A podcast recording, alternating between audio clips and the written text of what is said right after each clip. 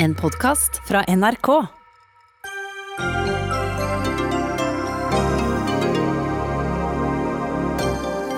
Statsminister Erna Solberg varsler strengere koronatiltak, og de kommer til uken. Men når smitten og dødeligheten er så lav som den er i Norge, hvor strenge tiltak skal innbyggerne måtte tåle?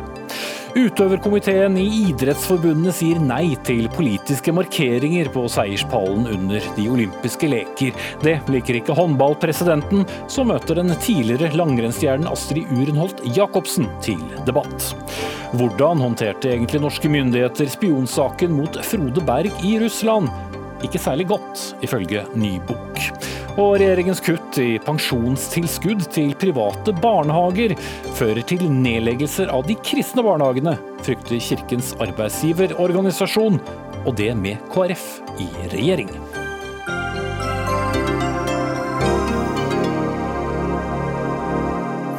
Sier vi god kveld og velkommen til ukens siste Dagsnytt 18 med Espen Aas. Og tro det eller ei, vi skal også innom eh, nattens presidentduell i USA.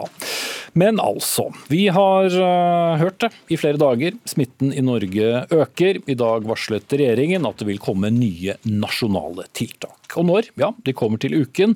Og hva de er, vel, det gjenstår å se. For Helsedirektoratet og Folkehelseinstituttet har fått i oppdrag å anbefale nye tiltak, og de skal være målrettet mot de områdene der smitten øker. Og vi skal eh, komme til de snart, men først til deg, statsminister Erna Solberg det at det nå varsles nye tiltak, er det en erkjennelse av alle disse oppfordringene om både avstand og håndvask som vi har holdt på med i lang tid nå, ikke er godt nok? Det er ikke god nok oppfølging av eh, smittevernreglene eh, i alle grupper hele tiden i Norge. Eh, det er jo et signal når smittetallet gradvis har tikket oppover, og at vi ser mange opp, altså mange økninger flere steder rundt omkring i landet. Eh, så vi må nok bli flinkere på det. Og så har det jo noe med å si at vi, har, vi, møter veldig mange mennesker. og Det vi ser på en del av disse smittesporingene nå, at noen personer har veldig mange kontakter som blir definert som nærkontakter. Og vi må også tilbake til å tenke at vi kan ikke ha så mange nærkontakter som eh, sånn, uten at vi faktisk får økt smitte. Og ja, eh, det er litt pekefingeren. Og så sa jeg i dag at hvis vi nå klarer november ved å få stabilisert redusert og helst ned tallene, så har vi også sjansen for å kunne få den julefeiringen som jeg tror mange ønsker, hvor besteforeldre og barnebarn kan være sammen, og hvor vi kan være sikre på at det ikke blir smitte. Mm. Men fare for at det ikke skjer, er også absolutt til stede? Faren for det er det, og vi, vi skal ikke mye se langt utenfor dette landets grenser uten å bli litt skremt over situasjonen og hvor raskt det har kommet tilbake igjen, og hvor sprengt helsekapasiteten er i et en del land, og hvor mange som blir smittet for øyeblikket. Så selv om vi ikke er der vi var i mars i Norge, så er det faktisk sånn at vi skal Altså vi har fortsatt tiden til å snu. Vi har fortsatt tiden til å ikke få nedstengninger og de store økonomiske konsekvensene eh, som altså å øke de. Vi har vært inne i en god periode eh, siden egentlig mai måned, men eh, vi må passe på at vi tar vare på det. Mm. Likevel, eh, vi er en befolkning på 5,5 millioner. Vi har kun hatt 17 405 tilfeller, som er en bitte liten andel av eh, landets befolkning. Det går folk på tiltak, det er folk som ikke kan gå på jobben, og folk føler at deres personlige frihet er veldig innskrenket. Hvor mye inngripen skal vi tåle? Nordmenn har lite innskrenkning i sitt liv nå, målt mot store deler av resten av verden. Eh, Irland har seks ukers lockdown foran seg nå, hvor du bare får lov å gå ut for de mest nødvendige tingene. Vi har vært veldig opptatt av at vi skal ha et åpent, godt fungerende samfunn. Det betyr altså at eh, vi skal ha mest mulig i gang, men vi kan ikke være så mange mennesker alle steder. Og det betyr at det har en ramme for en del næringsvirksomhet fortsatt. Vi får ikke inn like mange fra de landene rundt oss som besøker våre reiselivsbedrifter. Derfor er det folk som er permitterte. Det er en del av det vi må ha for den friheten vi totalt sett har. Men når vi ser på økonomien vår, hvordan, selv om den har gått ned og det er utfordrende for mange, så går det jo bedre i Norge enn i veldig mange andre land. Hvis vi ser på friheten vår, så er den større, og det er det vi vil beholde. Mm. Vi vil beholde den muligheten vi har til å møte andre enn vår egen familie, til å gå ute, til å gjøre det, kunne gå på jobben og føle trygghet for at jobben er der mm. også neste år. Men er det da noen absolutter fra regjeringens side på hva dere ikke vil innføre av tiltak?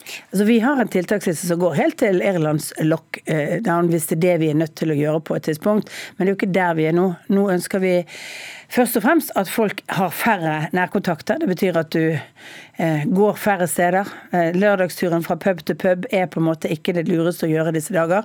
Det er å ha et fast sett med nære venner du holder deg til. Og så er det denne meteren, da, så vi må passe på, sørge for at vi har. Og så vil vi se på disse målrettede tiltakene. og Da dreier det seg om at vi nå har mye mer kunnskap om hvor smitten skjer, i hvilke tilfeller og sånt, for å kunne stramme inn sånn at vi vet at vi er målrettet. For det skal være minst mulig inngripende, men vi skal gjøre det vi er nødt til å gjøre. Mm. Eh, Oslos byrådsleder sier han er svært bekymret for da importsmitten fra særlig Polen. Sier til Aftenposten nå i ettermiddag at nasjonale myndigheter bør stanse flygningene derfra dersom ikke flyselskapene selv gjør det. Er det et aktuelt tiltak?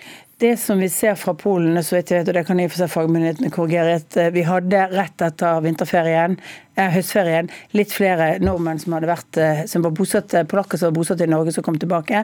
Nå er det stort sett på arbeidsplasser der hvor vi har innleid arbeidskraft. Og det har også helseministeren eh, bedt arbeidslivets parter om å komme til et møte om på mandag, for å snakke om hvordan vi kan overholde tydelig og klart de smittevernreglene som er, praktisere de som bor på, de som er i karantene på en enda bedre måte, sånn at vi sørger for at den smitten ikke sprer seg ut. Det er liksom utfordringen. Det vil komme folk som er smittet, men er de i karantene, ikke smitter andre, ja, så håndterer vi det. Det er i det øyeblikket de beveger seg og lager store smittetilfeller, som f.eks. vi hadde i Hyllestad, som, som vi da må gå inn og si at hva er det som blir gjort feil, hvorfor klarer vi ikke å med de reglene vi har, å begrense den smitten. Og da må vi sette inn de tiltakene som er målrettet der. Men noen innreiseforbud for enkelte land eh, er ikke aktuelt? Eh, det er et rødt land. Du skal i karantene, og du må praktisere karantenen. Og det må vi være veldig strenge på. Og det eh, opplever jeg at vi nå er en god dialog også med arbeidslivsparter om at vi må sørge for at alle bedrifter kan praktisere karantene der hvor de har innleie, og at de polakker som bor i Norge, eller nordmenn med polsk tilknytning, at de også praktiserer det. Men eh, den, den å være i karantene, det er eh, jeg tror at Med de smittetallene vi ser nå, så tror jeg mange tar dette godt inn over seg òg. Mm. Assisterende helsedirektør Espen Aasrud Nakstad, da vi snakket sammen i går eh, i denne sendingen, så var du litt tilbakeholden med å snakke om nye tiltak. Nå, nå skal du vurdere det. Altså, Hvordan kommer dere til å jobbe? Fordi smitten er veldig ujevnt fordelt rundt omkring i landet. Nei, Vi kommer til å jobbe nå sammen med Folkehelseinstituttet eh, med dette her. og Det er jo det som, er, som statsministeren er inne på. altså Én ting er at det er mye å hente på at man eh, etterlever disse reglene i, bedre, i større grad.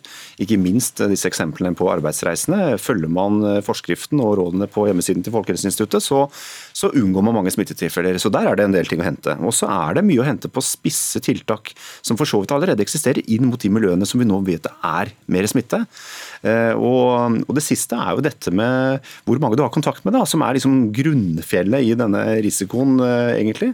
At um, har du veldig mye kontakt med veldig mye ulike mennesker, så øker den risikoen. og der er det mulig å komme med tiltak som er tidsbegrenset og spisset mot regioner hvor det er mye smitte, og hvor du antagelig på kort tid vil få mye effekt. Og Det positive med dette her er jo at eh, dette R-tallet er jo ikke veldig høyt i Norge. Så det skal faktisk ikke så mye få det til å gå nedover. Og klarer vi det, ja da går smitten nedover mot jul istedenfor oppover. Og det har vi faktisk veldig mye å vinne på. Mm. Men veien hit til hvor vi er i dag er jo brolagt med alskens eh, oppfordringer. Handler det da om, når du sier spissing av, av tiltak, altså eh, må, må, det være en strengere oppfølging av eh, manglende oppfølging av oppfordring? Ja, så Det må være mer nitidig oppfølging fra arbeidsgivere, fra kommuner, fra ulike miljøer. Eh, også fra, fra, foreldre, faktisk, som har en viss kontakt med barna sine, selv om de er 19 og 20 år og studenter. den type ting. Alle må ta et lite tak, alle må skjerpe seg et par hakk. og Klarer vi det, så er det veldig mye å vinne på det. Og Det er også et bakteppe bakteppet her at det er land som klarer dette, og det er faktisk noen land som klarer det. New Zealand, eh, Japan, eh, Kina faktisk har klart det. De har veldig lite tiltak. De lever nesten helt som normalt. Og Norge har i den store sammenheng også flytt veldig godt de siste fem månedene på det vi gjorde i, i vinter. Eh, og det vil være veldig uheldig nå hvis vi taper den gevinsten på å bli som mange andre land rundt oss med mye smitte. Så det er alt å tjene og lite å tape på å ta et lite tak nå. Mm. Camilla Stoltenberg, direktør i Folkehelseinstituttet. Hva vet vi om hvilke tiltak som er aller mest effektive? Vi vet at de grunnleggende smitteverntiltakene er aller mest effektive, og vi vet også at de blir etterlevd i veldig stor grad, men ikke tilstrekkelig grad alle steder og i alle situasjoner og i alle grupper i befolkningen til enhver tid.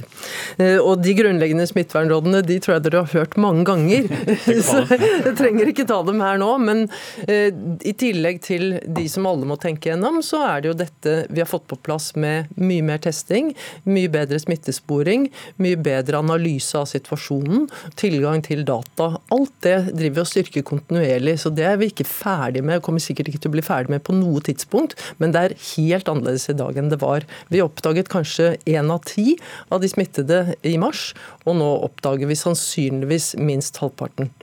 Men er vi på noen måte nær et tidspunkt hvor vi må vurdere om den strategien vi har valgt hele veien, er den riktige? Med å holde det nede? Jeg mener at den strategien som er valgt er veldig god, og at eh, dette dreier seg egentlig om å anvende den i den situasjonen vi er i nå, og analysere den situasjonen og prøve å velge det rette tidspunktet for å forhindre at vi kommer i en situasjon som ligner på den de har i Europa for øvrig, eller de fleste land i Europa nå. Og Det er mulig å gjøre, og så gjelder det å ikke gjøre det for tidlig og ikke gjøre det for sent. Og For sent er verre enn for tidlig, sånn at det er en balansegang der som er krevende. Men vi er, vi er ikke inne i en ny bølge nå, men risikoen for det har økt siden august.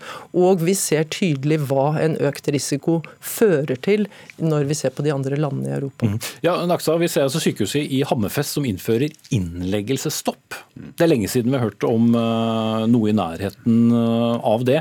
Er det den store frykten nå, med kapasiteten på, på, akuttavdelinger og tilgang på eh, plasser? Det er et godt eksempel på sårbarheten i mindre kommuner, eh, også små sykehus. At man kan fort bli veldig rammet av selv et relativt lite smitteutbrudd, egentlig. Men det er klart kapasiteten i sykehusene er god på den måten at man kan tåle mange koronapasienter. Men det går utover nå. Eh, og Hvis vi får en ytterligere stigning i sykehusene utover det nivået vi har, så vil man måtte om, eh, altså allokere personellressurser annerledes. Eh, noen planlagte ting vil etter hvert måtte settes på pause. og Da vil hele helsevesenet vårt påvirkes av det. og det er klart, Vi ønsker ikke å komme tilbake til der vi var i vår, hvor veldig mye ble satt på pause. Vi ønsker at alle som trenger helsetjenester skal få det. Det er fullt mulig å gjøre med noen innlagte pasienter, men det blir vanskelig jo flere som, som blir lagt inn. Og På det meste i vinter så var det 325 fem innlagte med covid-19. Nå er vi altså oppe mellom 40 og 50. sånn at det skal ikke så mange doblinger til før det faktisk kan bli problematisk i Norge også. Men eh, Erna Solberg, eh, vi har jo snakket om andre europeiske land. Du nevnte selv mm. Irland, vi har mange land på kontinentet. Der er det også strengere oppfølging eh, og reaksjoner dersom man ikke følger smittevernrådtiltakene. Er vi langt unna det? Burde det være større grad av eh, bøtelegging for de som ikke bruker eh, munnbind? At det bør innføres bruk av munnbind andre steder osv.? Eh, altså Munnbind er jo et mye dårligere tiltak enn én meters avstand. Og i Norge har vi jo ganske god plass, så vi burde kunne klare å praktisere én meter de fleste steder. Eh, og de stedene hvor vi er absolutt dårligst på å praktisere én meter, er kanskje i situasjoner hvor vi ikke ville brukt munnbind uansett. Altså sosiale i de sammenhenger. sosiale sammenhenger, i en privat besøk, i andre tilfeller. Eh, Alt dette er ting vi kan komme til å måtte gjøre, men som sagt, situasjonen er jo ikke der nå. Det er for å forhindre at vi kommer i disse veldig vanskelige situasjonene som andre land er i, eh, som, som, gjør at vi nå varsler at vi må faktisk eh, ja, forsøke å bruke november til måneden og snu utviklingen på å få ned, få ned tallene, sånn at vi kan ha en god julefeiring. Og så tenker jeg at Vi skal også huske på en ting. Det er mange mennesker som også jobber i førstelinjetjenesten, som nå begynner å bli litt slitne. For de har testet mange, de har vært på laboratoriet og jobbet med masse overtid og uh, sørget for å få frem resultatene. Uh, det er de som driver med smittesporing rundt omkring. Uh, det er også viktig at vi klarer å holde den grunnkapasiteten i gang for at dette skal fungere godt. Så det er ikke bare de som er på sykehusene på intensivavdelingene som er førstelinjen. Og de har hatt en ganske stor belastning de siste ukene. Så hvis du har liksom en runde i løpet av helgen og er smittet uten å vite det, og har møtt over 200 mennesker som noen gjør, det er jo det vi vet fra noen av disse tilfellene, så, du, så, så er det for mange rett og slett for den belastningen du gjør, eh, altså din atferd har gjort for hele dette systemet. Mm. Men samtidig så vi snakker om den delen, og så snakker vi også om ja, vi har få døde, 279 eh, siden eh, utbruddet. Det er få som blir veldig syke. Det kan jo bli oppfattet som en slags dobbeltkommunikasjon. Korona er ikke så farlig, men slutt med sosiale sammenkomster. Stoltenberg? Det er ikke dobbeltkommunikasjon. Det er bare å se seg rundt og se hva som skjer når man ikke har virksomme tiltak. Eh, og I det øyeblikk man mister kontrollen, så går det ganske fort. Fordi da vet vi at smitten sprer seg raskt. Da kan vi gå fra én smittet til 1000 i løpet av ti uker. Det er kanskje ikke så mye, men så går det fra 1000 til 1 million i løpet av de neste ti ukene. Og da har man mistet kontrollen. Mm. Det vet vi skjer. Så her må vi ha kontroll hele tiden. Og det klarer vi med ganske enkle tiltak. Ja, nei, og i det perspektivet, Hvis du ser på disse smittekurvene i Europa nå, og vi vet det er en, eh, en, forsinkelse på et par uker før du ser dette ordentlig på sykehusene, eh, så tror jeg mange sykehus i Europa nå går en veldig tøff eh, neste måned inn, inn, inn i november, som blir veldig tøff. Sånn at igjen så har vi lært veldig mye fra våren, og, og vi har alle muligheter til å snu dette nå med relativt enkle midler. Og da vil det være dumt å ikke gjøre det. Så ja, Vi får se om de folk hører denne gang. Takk til dere tre, statsminister Erna Solberg, Camilla Stoltenberg og Espen Rostrup Nakstad.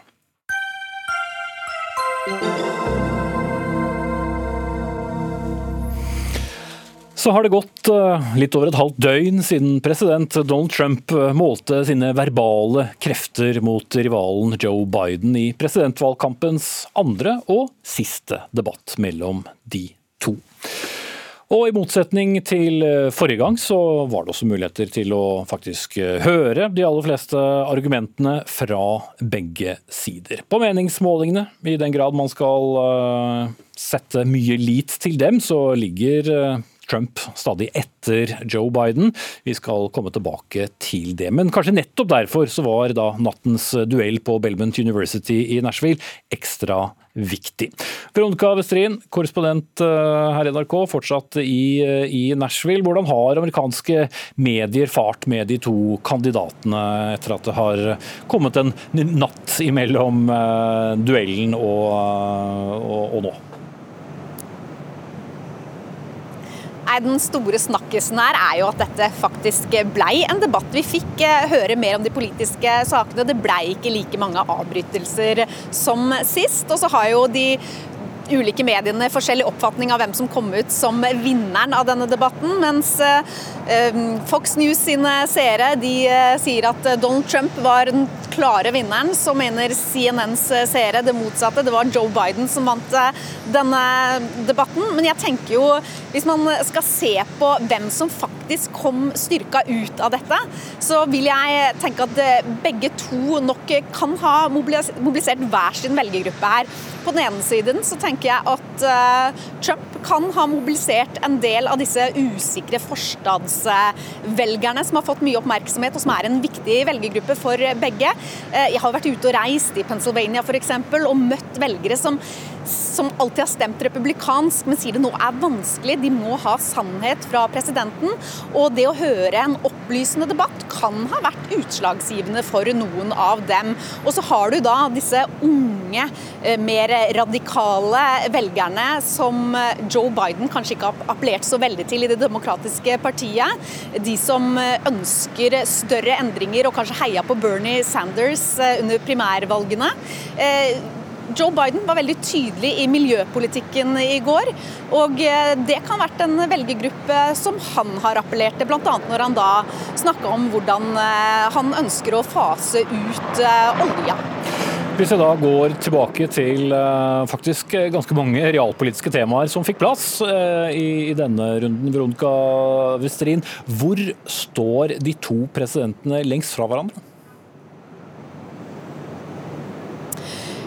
Vi hører det jo kanskje aller tydeligst på det store temaet som dere også snakka om nå nettopp, eh, som, som, preger livene til amerikanerne her, koronapandemien. Eh, amerikanerne er dypt preget av denne, og det er også veldig partipolitisk splittelse her. Og det var en del, sentral del av debatten i går. Og så har du jo selvfølgelig også miljøpolitikken. Men hvis vi skal se på koronapandemien, altså hvordan folk lever her i Tennessee, som er en rød stat, republikansk stat, så leves livet mye mer som normalt enn i f.eks. DC, der jeg bor, og alle går med munnbind, tar dette veldig alvorlig, sitter hjemme i husene sine, knapt går på butikken. Skolene er stengt og har vært det siden mars.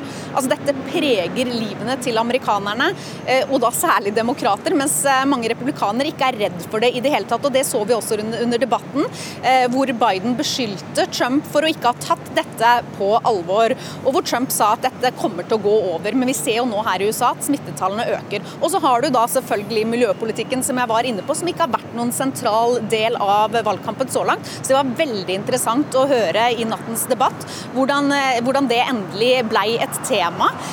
For første gang egentlig i en presidentdebatt. Og, og, hvor vi da hørte Joe Biden gå ja, mye lenger enn det vi tidligere har hørt han, og da appellerte til kanskje denne Sunrise Movement-delen av partiet, som har løfta fram Green New Deal som en miljøvennlig klimapolitikk. Eh, mye takket være også Alexandria Ocasio-Cortez og hennes gjeng som har satt den på agendaen, og som nå eh, har blitt et sentralt eh, samtaletema her. Da sier vi takk til Veronica Bestrin med oss fra Nashville i Tennessee, og så til kommentatorene her i studio. Begynn med deg, Våren Almen, statsviter og um, skribent i amerikansk politikk Uh, uh, du har jo vært ute og kommentert dette flere ganger i dag allerede. men nå har vi fått en, et drøyt halvt døgn på, på avstand. Hva, hva sitter vi igjen med? Utover at de var litt mer siviliserte denne gangen. Ja, altså På stil så var jo dette en helt annen debatt. Eh, og En av grunnene var jo selvfølgelig en regelendring som gjorde at man kunne mute mikrofonene til deltakerne. Men, men, den største grunnen var jo at det var en helt annen Donald Trump som kom på scenen. Som hadde tatt rådene fra rådgiverne sine og, og var mer behersket og avmålt i stil. Men selvfølgelig var, jo, var tonen og, og uenigheten uh, vel så krass. Uh, I tillegg til at man hadde en del uriktigheter og, og feil fra, fra, scenen. Men i stort så tenker jeg at um, dette her er kanskje ikke en debatt som betyr så veldig mye. Um, det som var um, den som trengte noe fra denne debatten, tenker jeg da, det var jo den som da ligger bak, skal vi tro meningsmålingene. Uh, og det, det, er Donald Trump. Han trengte uh, et eller annet som kunne endre dynamikken i denne valgkampen. Dette var hans siste sjanse til å nå et så bredt publikum i sanntid. Jeg tenker kanskje at han ikke uh, helt klarte det, da. Mm. Halvard Notaker, seniorforsker ved Institutt for forsvarsstudier. Det var jo mye mer realpolitikk da, og man kom innom flere temaer, men eh, betydningen av, av eh, disse debattene eh, på, på, på, velgerne, kan den være særlig stor? Altså, det er jo ingenting som tyder på at det er så veldig mange som ikke har en ganske sterk oppfatning om disse to. Men det var jo interessant at de faktisk Hvis vi tenkte at noen ble firt ned fra månen da, og møtte liksom, den TV-skjermen og så de to, så ville det jo fått et brukbart bilde i hvert fall av en veldig grovinndeling av hva de to mener. Og Det var jo nesten litt sånn oppløftende da, i en tid hvor det er utrolig lite uh, politisk innhold. og Dette som, som uh, Vestrin nevnte uh, med olje f.eks., som i en mer normal valgkamp, så, så ville kanskje det Biden sa der blitt tatt tak i også av motstanderen for å angripe han blant de som vil ha oljeindustri. Det er ganske radikale ting som, som ja, foreslås, og som i en annen verden ville som du sier, fått langt mer oppmerksomhet. Ja, dette er jo stridstema her også, selvfølgelig. Og i hvert fall i noen av de delstatene som, som de kjemper om, og som begge trenger, så, så, er dette viktig. Men det som er, er at denne valgkampen er på en måte mett med eh, innhold. Det er bokstavelig talt spørsmål om liv og død. Og det er også en slags sånn helt underliggende bekymring for hva som skal skje med det amerikanske demokratiet. Og da blir på en måte disse sånn enkeltstående spørsmålene de drukner jo litt i det. Så får vi se de neste dagene. Kanskje det er sånn at det er noen som har lyst til faktisk å snakke om dette, og at det er det de vippevelgerne som ikke har bestemt seg, at de Eh, er opptatt av sånne saker, det kan vi jo ikke vite. Men, eh, men disse, disse, debattene er jo vanligvis det som skaper dynamikken i valgkampen. Det er slags sånn passeringspunkter hvor man får kvittert ut det som bygger seg litt opp, og så møtes de, og så får man en slags sånn utløsning, og så skjer det noe videre. Den rollen har jo ikke debattene så mye nå, fordi det skjer så utrolig mye annet som er mer virkelig. Ja, og Nå er det jo videre turneer eh, og valgkamp. Det er vippestater som står eh, for tur. Hva tror du vi kan forvente oss nå med dette da som eh, bakteppe, Alme? Ja, nå blir det eh, tette eh, timeplaner for de to kandidatene. Og, det kommer til å stå om disse vippestatene. og Da gjelder alt fra Michigan, Wisconsin og Pennsylvania til Florida og North Carolina. Og også en stat som Arizona, f.eks., som sist gikk blått i 96 med Bill Clinton. Men så skal vi jo også huske at over 50 millioner mennesker har allerede forhåndsstemt. Veldig mange av dem stemte ikke i 2016. Um, for Bidens del så, blir, eh, så står kampen nå om å forsøke å hindre eh, det man kaller complacency, altså at velgere sitter hjemme istedenfor å møte opp i stemmelokalet, eller kanskje skriver inn andre, ikke stemmer på den kandidaten de kanskje ville gjort hvis de hadde stemt oppriktig. Da. Mens Trump jobber jo nå for å samle altså Han har jo en samlet parti, men, men å konsolidere den støtten og komme seg ut av dette. her. Ja, 50 millioner bare for å understreke det, det er mange eh, velgere, også i, i, i store USA. Men, eh, men Notaker snakker hele tiden om, om meningsmålene. men gir det noe poeng å snakke om disse meningsmålingene med historien frisk til minne? Ja, altså Jeg mener jo at folk tjater altfor mye om at alt tok feil sist. Eh, jeg var jo lur nok til å ikke svare her hvem jeg trodde skulle vinne. Men eh, den, gangen, den gangen så, eh, så, var det altså Det som skjedde da, var at den usikkerheten som lå i feilmarginen som finnes i alle meningsmålinger, og som finnes i at meningsmålerne kan ha gjort feil utvalg, til sammen så ble det stort nok til at det minst sannsynlige skjedde.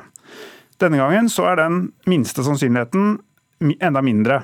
Sist på valgdagen så var det 70-30 i Nate Silver sin modell, som jeg fortsatt mener man kan bruke som en sånn eh, pekepinn. Eh, nå er det 88-12 i den, og da syns sikkert folk liksom 88% det er ganske mye. Man må lese begge tallene. ikke sant? 12% det er altså litt mer enn én av ti. Hvis du har ti fly på en rullebane, så får du vite at ett av de kommer til å dette ned på veien. Så kan du kjenne etter om du syns én av ti er stor eller liten sjanse, og om det er rart eller ikke om det var eh, ditt fly som datt ned. Mm, ja, altså er det verdt å bare minne om da, altså at uh, I USA så er det altså 50 valg. ikke sant? Det er ikke noe nasjonalt valg. Så det å se på nasjonale meningsmålinger, det kan jo være rett og slett litt meningsløst. Altså Det handler om hvert av disse valgene. og uh, altså Når det kommer uh, til stykket, så er det disse vippestatene. Mm. Som altså er Florida, Nord-Carolina, Michigan, Wisconsin, Pennsylvania og Arizona, som eh, du vel uh, nevnte. 3. november, ti dager unna. Men det er ikke det samme som at vi har noe resultat. For det er poststemmer som skal telles opp, og det kan være tvil. Men går det an nå å si noe om hvor mye vi vet når vi i hvert fall det, eh, det jo, Nyhetsjournalister burde jo slutte å være så opptatt av det som ikke har hendt ennå. Det, det, er jo sånn sykdomstrekk som, som, ligger i all valgkampdekning i, i, Norge, og som sånn som oss får spørsmål om hver gang. Uh, helst da vil spørre om noe som ikke har hendt ennå. Det er litt rart. ikke sant? Men uh, jeg vil også vite det. Jeg er også veldig spent. Det står masse på spill.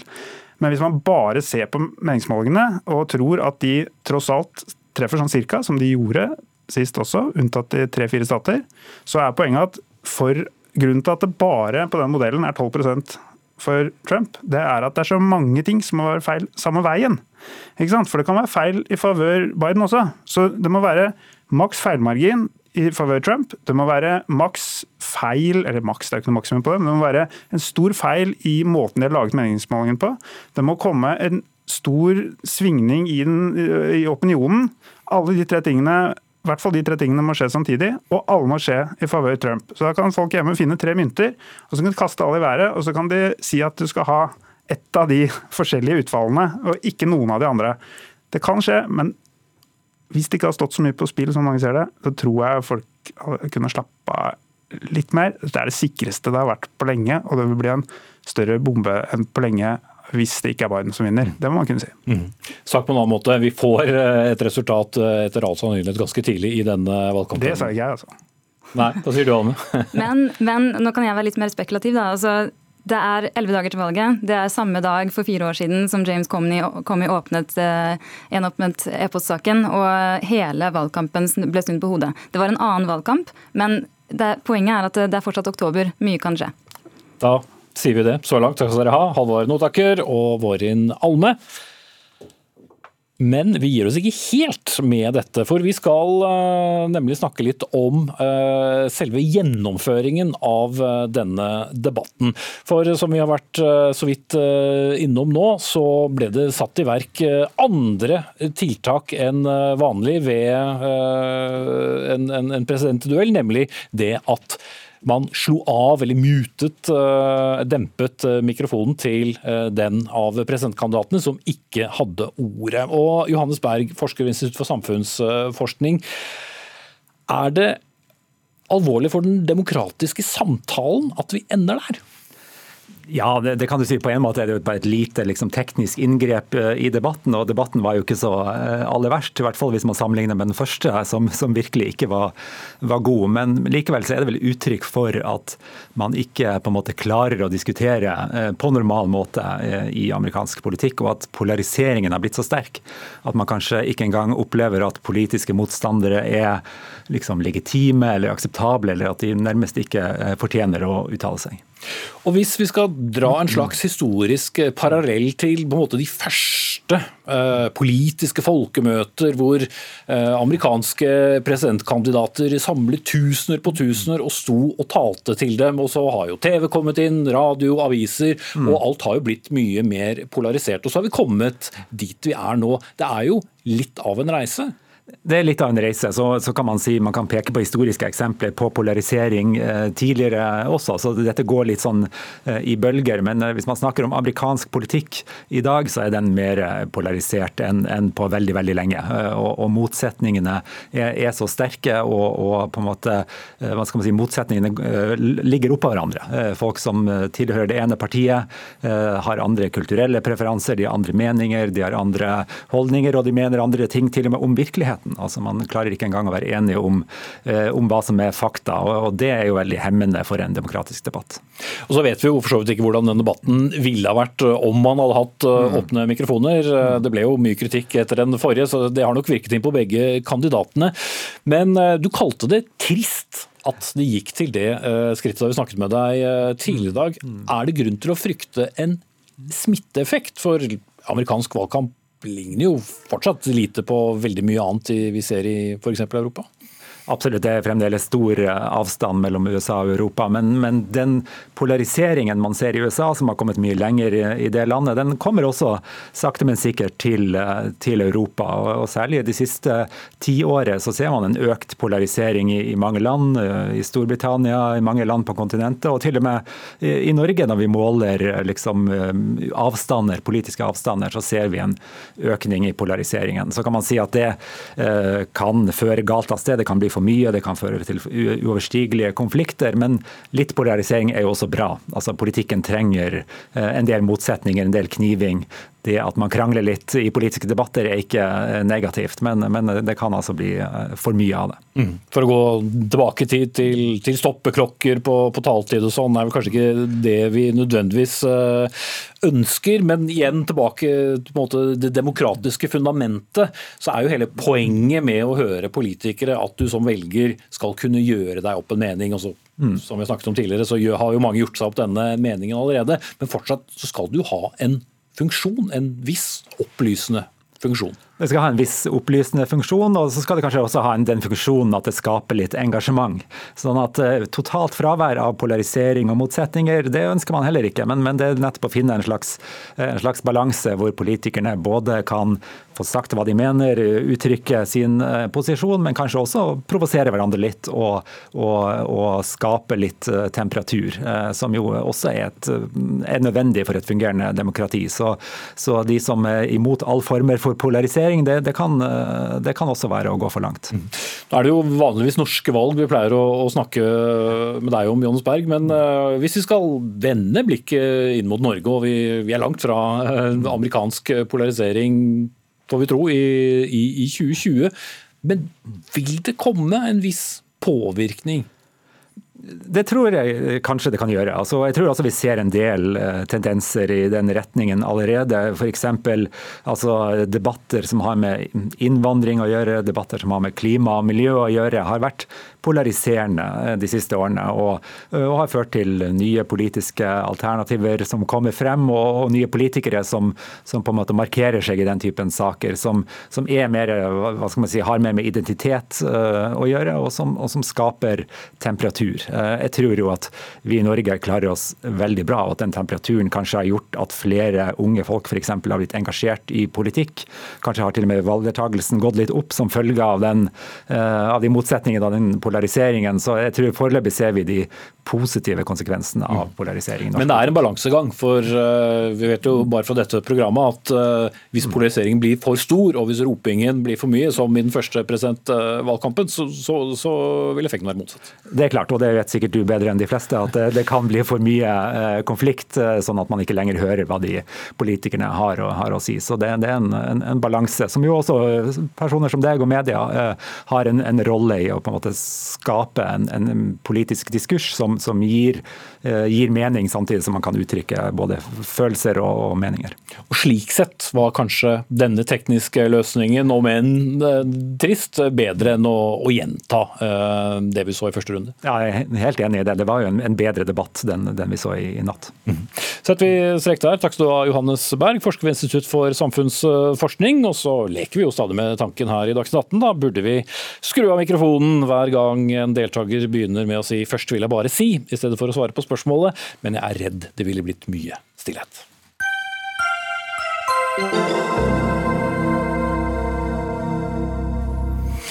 Norske myndigheter anerkjente aldri at Frode Berg var på etterretningsoppdrag for Norge. Likevel måtte de forholde seg til at han var spiondømt hos russerne, og litt senere i sendingen skal vi snakke om den vanskelige og tidvis konfliktfylte håndteringen av denne saken fra norsk side i forbindelse med en ny bok. Men nå, i kjølvannet av debatten rundt politiske markeringer, som f.eks. det å gå ned på et kne for å vise motstand mot rasisme, ja, så har Den internasjonale olympiske komité, eller IOC, invitert de enkelte nasjonenes utøverkomiteer til å komme med synspunkter på det som heter Rule 50. Og Det norske er negativ til at det skal være en anledning til å ytre seg i forbindelse med seiersseremonier. Astrid Urnholt Jacobsen, det er du som leder utøverkomiteen i eh, Norges eh, idrettsforbund. Selv om de fleste kjenner deg som en svært suksessfull langrennsløper med, med mange medaljer på, på samvittigheten. Men hvorfor sier dere nei til politiske markeringer? Eh, nei, først og fremst så, så, vil jeg presisere at det er en, en veldig vanskelig sak. Eh, og eh, oppdraget vårt kommer egentlig fra utøverkomiteen i IOC, eh, som har startet et arbeid på bakgrunn av en bevegelse som eh, kom med, eh, oppsto egentlig i USA i kjølvannet av den saken med George Floyd. Mm, Black Lives Matter, ja. Mm. Eh, og at eh, vi er veldig innforstått med at eh, det finnes ikke på en måte fasitsvar her, eller, eller rett og galt.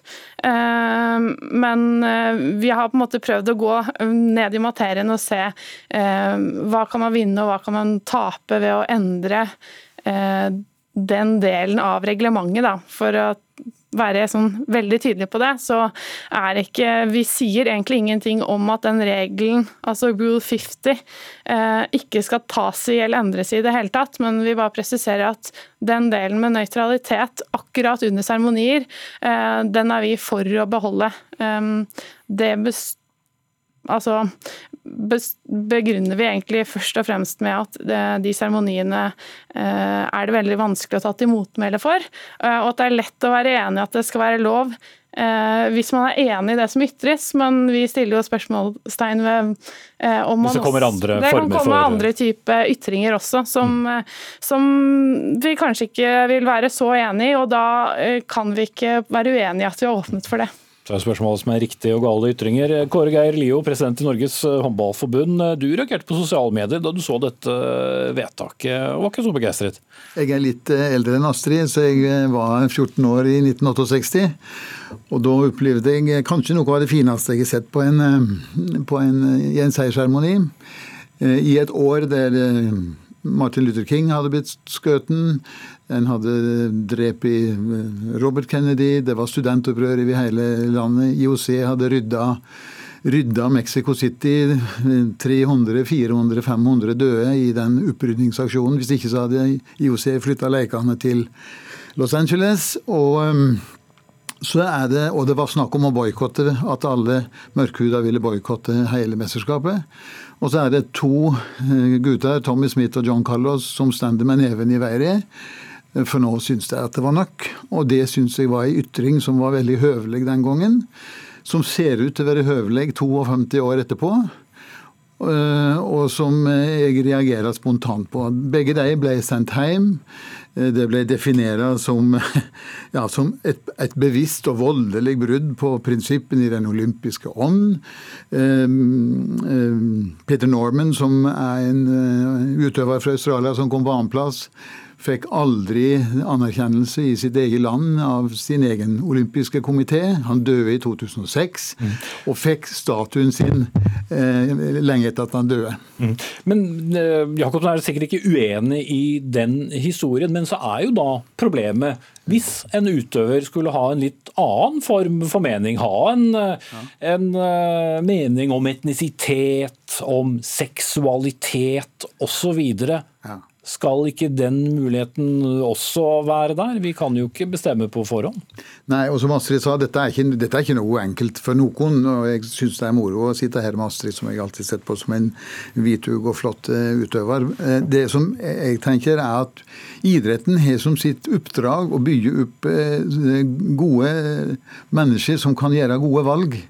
Som tør å stå for noe og være gode når det trengs eh, i et samfunn. Det er en del av samfunnsbildet. Det er samfunnsaktører.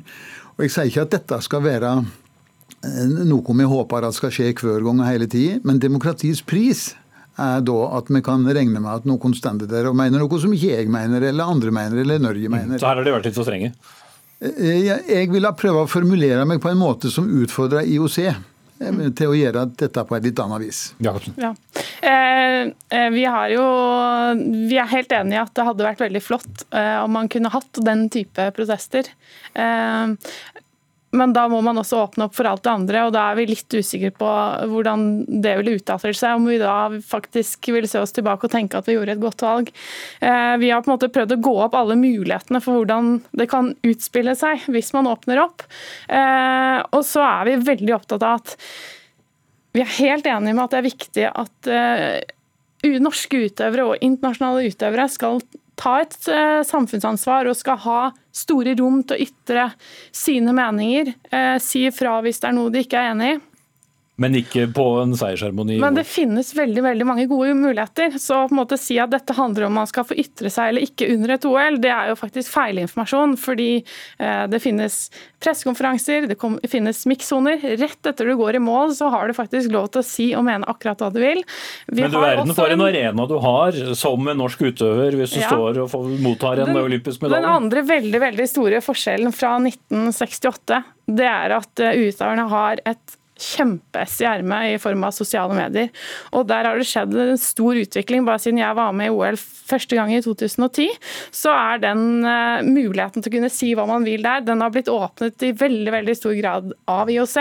Og Det er der vi tenker at uh, vi må presse på, fordi det er bedre kanaler. Der kan man formulere seg verbalt. Uh, de andre kan også få mulighet til å ta til motmæle. Seremoniene så vil det utelukkende være symboler som kan brukes. For det er ikke settinger hvor det gjøres intervjuer eller verbale utvekslinger i det hele tatt. Ja, Leo, det er jo, som det påpekes, mange arenaer. Og er du en kjent utøver, så har du eh, plutselig et stort eh, publikum eh, på, på sosiale medier, og du har mange andre arenaer. Så Hvorfor denne veldig symbolske plassen er, er så innskrenkende? Det, det, kan du godt si, og jeg ser det. Men vi kan ta 2020, da. Det ble ikke, det ble ikke liv og røre omkring eh, det bildet før en gikk ned på kne i, i amerikansk basket. Det var da det skjedde. Det var da det ble diskusjon. Det var da det ble leven, og da det ble tydelig for resten av verden. Du må huske på at Sosiale medier er fullt av ting. Og det er mye som drukner der, som det drukner ellers. Og det, men, men, er du redd for at vi mister så mye? Fordi at den knelingen skjedde jo heller ikke under en medaljeseremoni. Det er grunnholdninga at idrettsutøvere som andre skal få lov å ytre seg på et eller annet vis når de måtte, når de måtte ha lyst til det. Men selvfølgelig med fellesskapet og idrettsorganisasjonen i, i fokus eh, også der. Det kan ikke gjøre hørt vi hele tiden nødvendigvis, men av og til så tror jeg at f.eks. dette i, i, Polen i 2016, når homofildebatten gikk høyt der, så gikk Bjarte Myrhol rundt med et regnbue armbånd, og, og så jeg ble spurt om det, så sa jeg fantastisk at vi utøvere som tør og vil, og kan og mener noe om det, og våger å stande opp. Det syns jeg er fint. Det var også heller ikke god kutyme den gangen. Mm. Altså, Runholt Jacobsen, da du overtok ledelsen av utøverkomiteen, så sa du at økt politisk engasjement hos utøvergruppa er en viktig sak eh, for deg. Hilste du på deg selv i døren? Eh, nei, det, det står jeg fortsatt eh, for. Og vi har hatt eh, masse diskusjoner om dette i komiteen, og veldig gode og fruktbare diskusjoner. Og så tenker jeg at det er ganske viktig å presisere her òg at jeg tror en av en grunnene til at denne arenaen er så ettertraktet det er så ettertraktet, det er så mange som vil at utøverne skal på en måte gjøre ytringer her. Det er jo fordi at alle følger med, og alle følger jo med fordi bl.a fordi at idretten også har vært en nøytral arena. Eh, og så må vi på en måte passe på at ikke vi mister det. Mm. Um, vi får se om eh, fortsatt utøvere vil rette seg etter denne rule 50, da? Ja, og jeg tenker også vi må tenke på at eh, i Norge så kan vi bestemme hva vi som utøvere har lyst til å fronte og ikke. Det er ikke nødvendigvis sannheten uh, alle steder i verden, og mm. den vi skjerme de andre for også. Da sier jeg takk til dere to. Astrid Runholt Jacobsen, leder av utøverkomiteen i Norges idrettsforbund, og Kåre Geir Lio, president i Norges håndballforbund. Hør Dagsnytt 18 når du vil. Radio NRK Radio.nrk.no.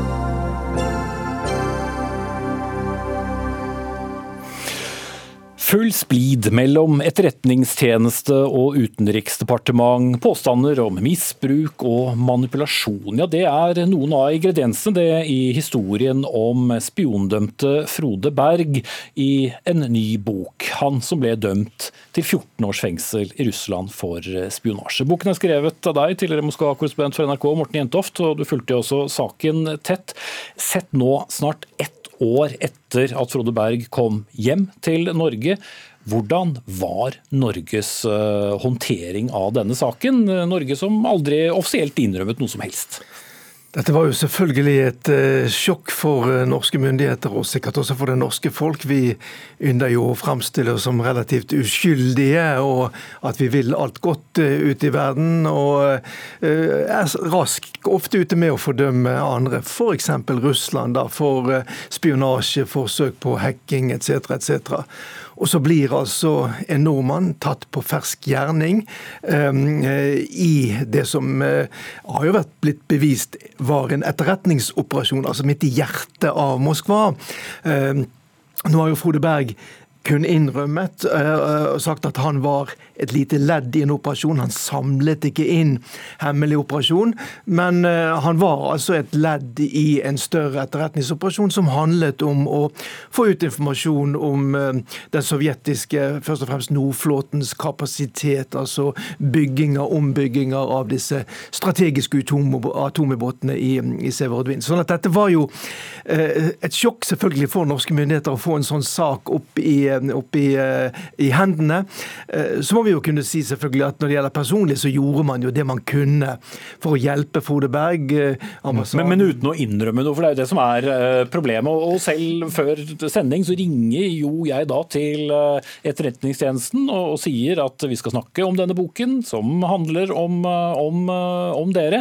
Den samtalen varte i ett minutt og ti sekunder. Og det ble sagt at vi har ikke kommentert denne saken før, og kommer ikke til å gjøre det nå heller. Så det er jo litt av problematikken også å gå ut fra med, med, ditt arbeid med denne boken å få ut bekreftet informasjon? Ja, Det har vært eh, selvfølgelig veldig veldig vanskelig. Og eh, Nå ligger det jo det, det forstår jo jeg også, jeg har jobba mye med disse spørsmålene gjennom mange mange år, eh, i etterretningens natur at man da ikke gjerne vil innrømme metoder, eller at man driver med eller metodene man driver etterretning på. Men i denne saken så er det jo litt annerledes. Eh, her har jo da en etterretningsoperasjon gått forferdelig galt. Det har rammet Frode Berg, det har rammet hans familie. Men ikke minst så har det jo også rammet forholdet mellom Norge og Russland.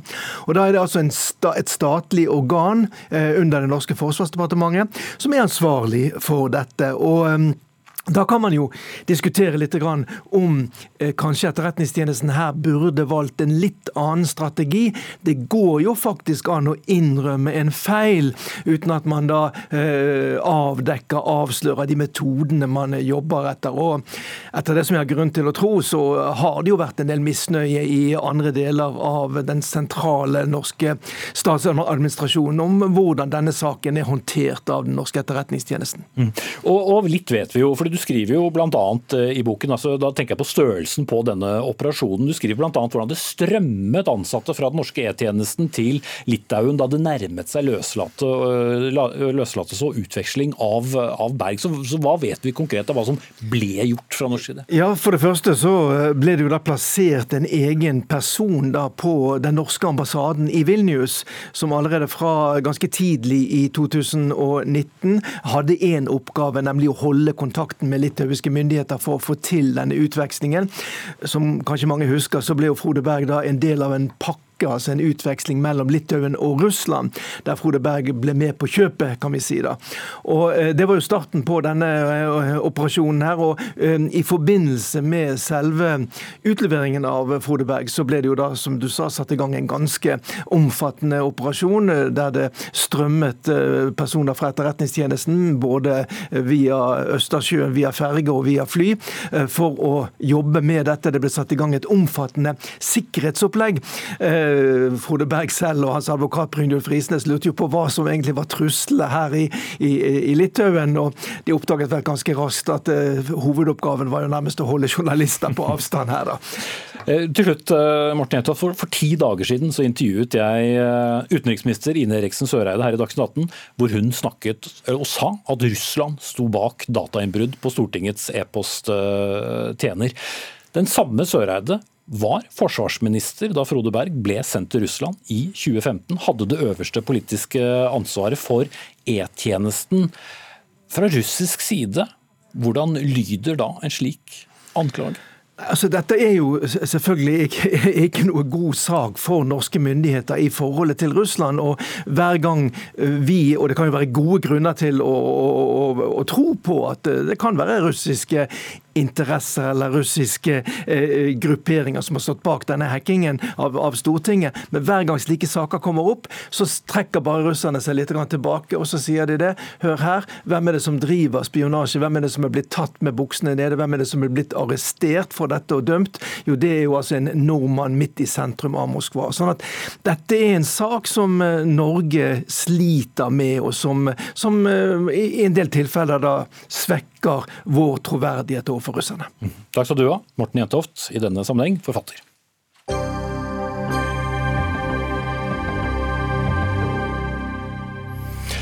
Menigheter rundt omkring i landet er bekymret for sitt barnehagetilbud. De frykter nemlig at konsekvensen av regjeringens regulering av private barnehager blir færre barnehager, der f.eks. markeringer av kristne høytider som jul, påske og pinse blir prioritert, og dermed også at mangfoldet blir svekket. Og Bakgrunnen for det hele er at regjeringen, med kunnskapsminister Guri Melby fra Venstre, kutter kraftig i et pensjonstilskudd til private barnehager. Og Det gjelder da alle private barnehager. 350 millioner kroner over to år. Og Jens Bjelland, seniorrådgiver for sektorpolitikk, som det heter, i arbeidsgiverorganisasjonen for kirkelige virksomheter. Du har vært veldig kritisk til regjeringens grep, snakker om dette både i Vårt Land og avisen Dagen, og, og kaller det rett og slett sjokkerende. Hvorfor er det det? Eh, det er det fordi regjeringen eh, lanserte for noen år siden at de ville jobbe med en ny regulering av private barnehager. Og Da var vi umiddelbart positive til det. Og Bakgrunnen for det er at i sektoren de siste årene så har vi sett en tydelig utvikling hvor flere og flere av de enkeltstående og ideelle barnehagene blir lagt ned eller solgt, og de store kommersielle barnehagekjedene kjøper opp flere og flere og vokser seg større og større.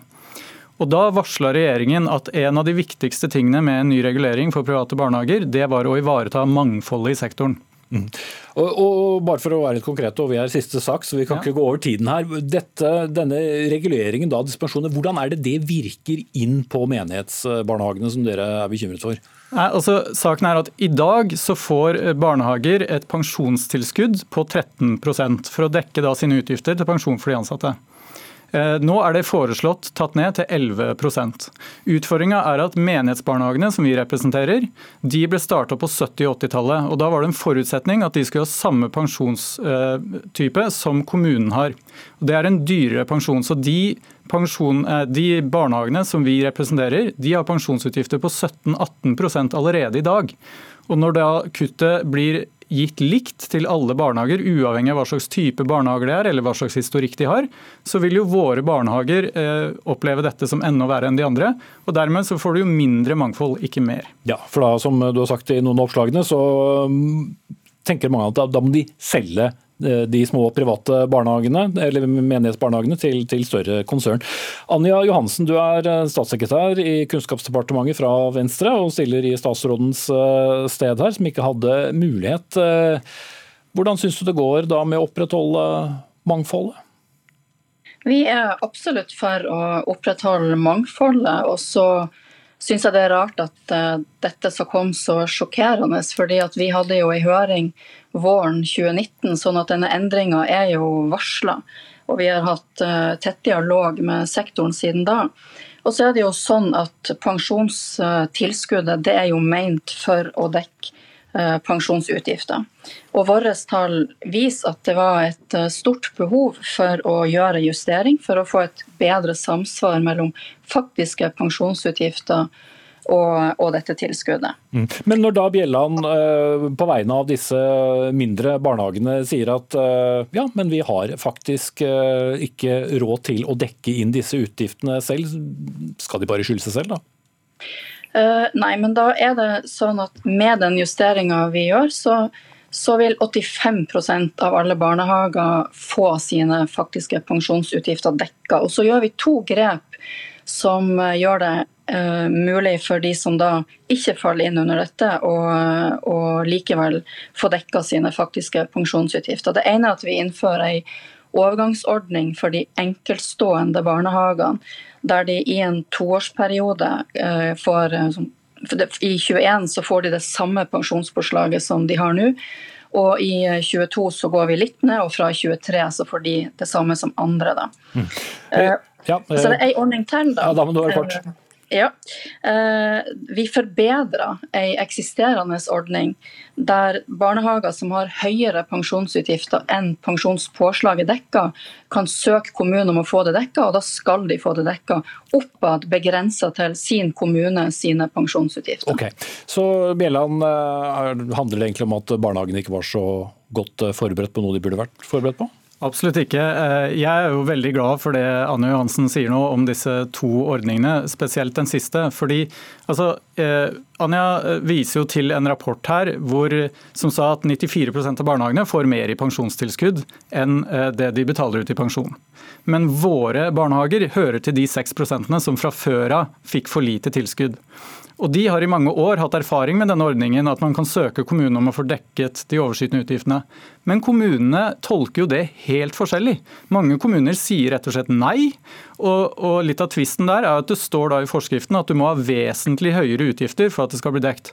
Og vi opplever at mange kommuner sier ja, men dette er ikke vesentlig nok, dette får dere ikke dekt. Så hvis det Johansen nå gjør er å gi et signal om at de vil stramme inn tolkningsrommet i den forskriften, så blir vi veldig glad for det. Ja, Var det det du sa, Johansen?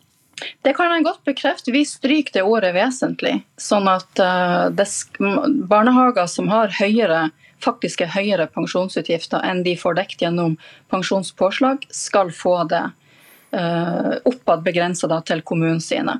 Og så kan jeg jo kanskje få lov å si til slutt, for jeg tror vi nærmer oss slutten, Correct. at vi uh, i denne overgangsperioden på et par år så skal vi se på endringer i finansieringssystemet for barnehager for å se om vi i større grad skal tilpasse tilskuddet til, til, barnehagen sin størrelse. Så vi regner med å ha en god dialog med sektoren nå også i fremtida. Puster du lettet ut, Miran? Eh, jeg tenker at eh, Det er positive signaler Johansen nå gir. og Da er det viktig at eh, departementet husker på å snakke med oss som representerer de små enkeltstående barnehagene, og ikke bare de store konsernene. Mm. Men bare for å stille det spørsmålet, da. Dette er jo en liten andel av alle barnehager. Det viktigste for barn er vel først og fremst at de har en barnehage å gå i. Er det så stor forskjell for en toåring, treåring om han går i en, eller hun går i en menighetsbarnehage eller i en vanlig privat barnehage? Ja, det tenker jeg det kan være. Altså for det første så er menighetsbarnehagene jevnt over kvalitetsbarnehager. og de eh, har personale som har vært der over lang tid, og de gir rom for tro. Og Jeg har snakka med flere styrere som sier at mange muslimske foreldre sender barna sine i menighetsbarnehager, fordi der snakker man om tro som noe vi har, ikke som noe andre har, med en slags kjølig distanse. Så det er behov for. Ok, da ble det siste ord. Takk til eh, Jens Bjelland, som altså representerer KA, som er eh, arbeidsgiverorganisasjonen for kirkelige virksomheter, som det heter. Og takk til Anja Johansen, statssekretær i Kunnskaps- og integreringsdepartementet. Og for Dagsnytt 18s del så er det faktisk eh, helg. Frode Thorshaug tok seg av det tekniske. Arild Svalbjørg var ansvarlig for sendingen. Jeg heter Espen Aas. Vi ses om noen dager.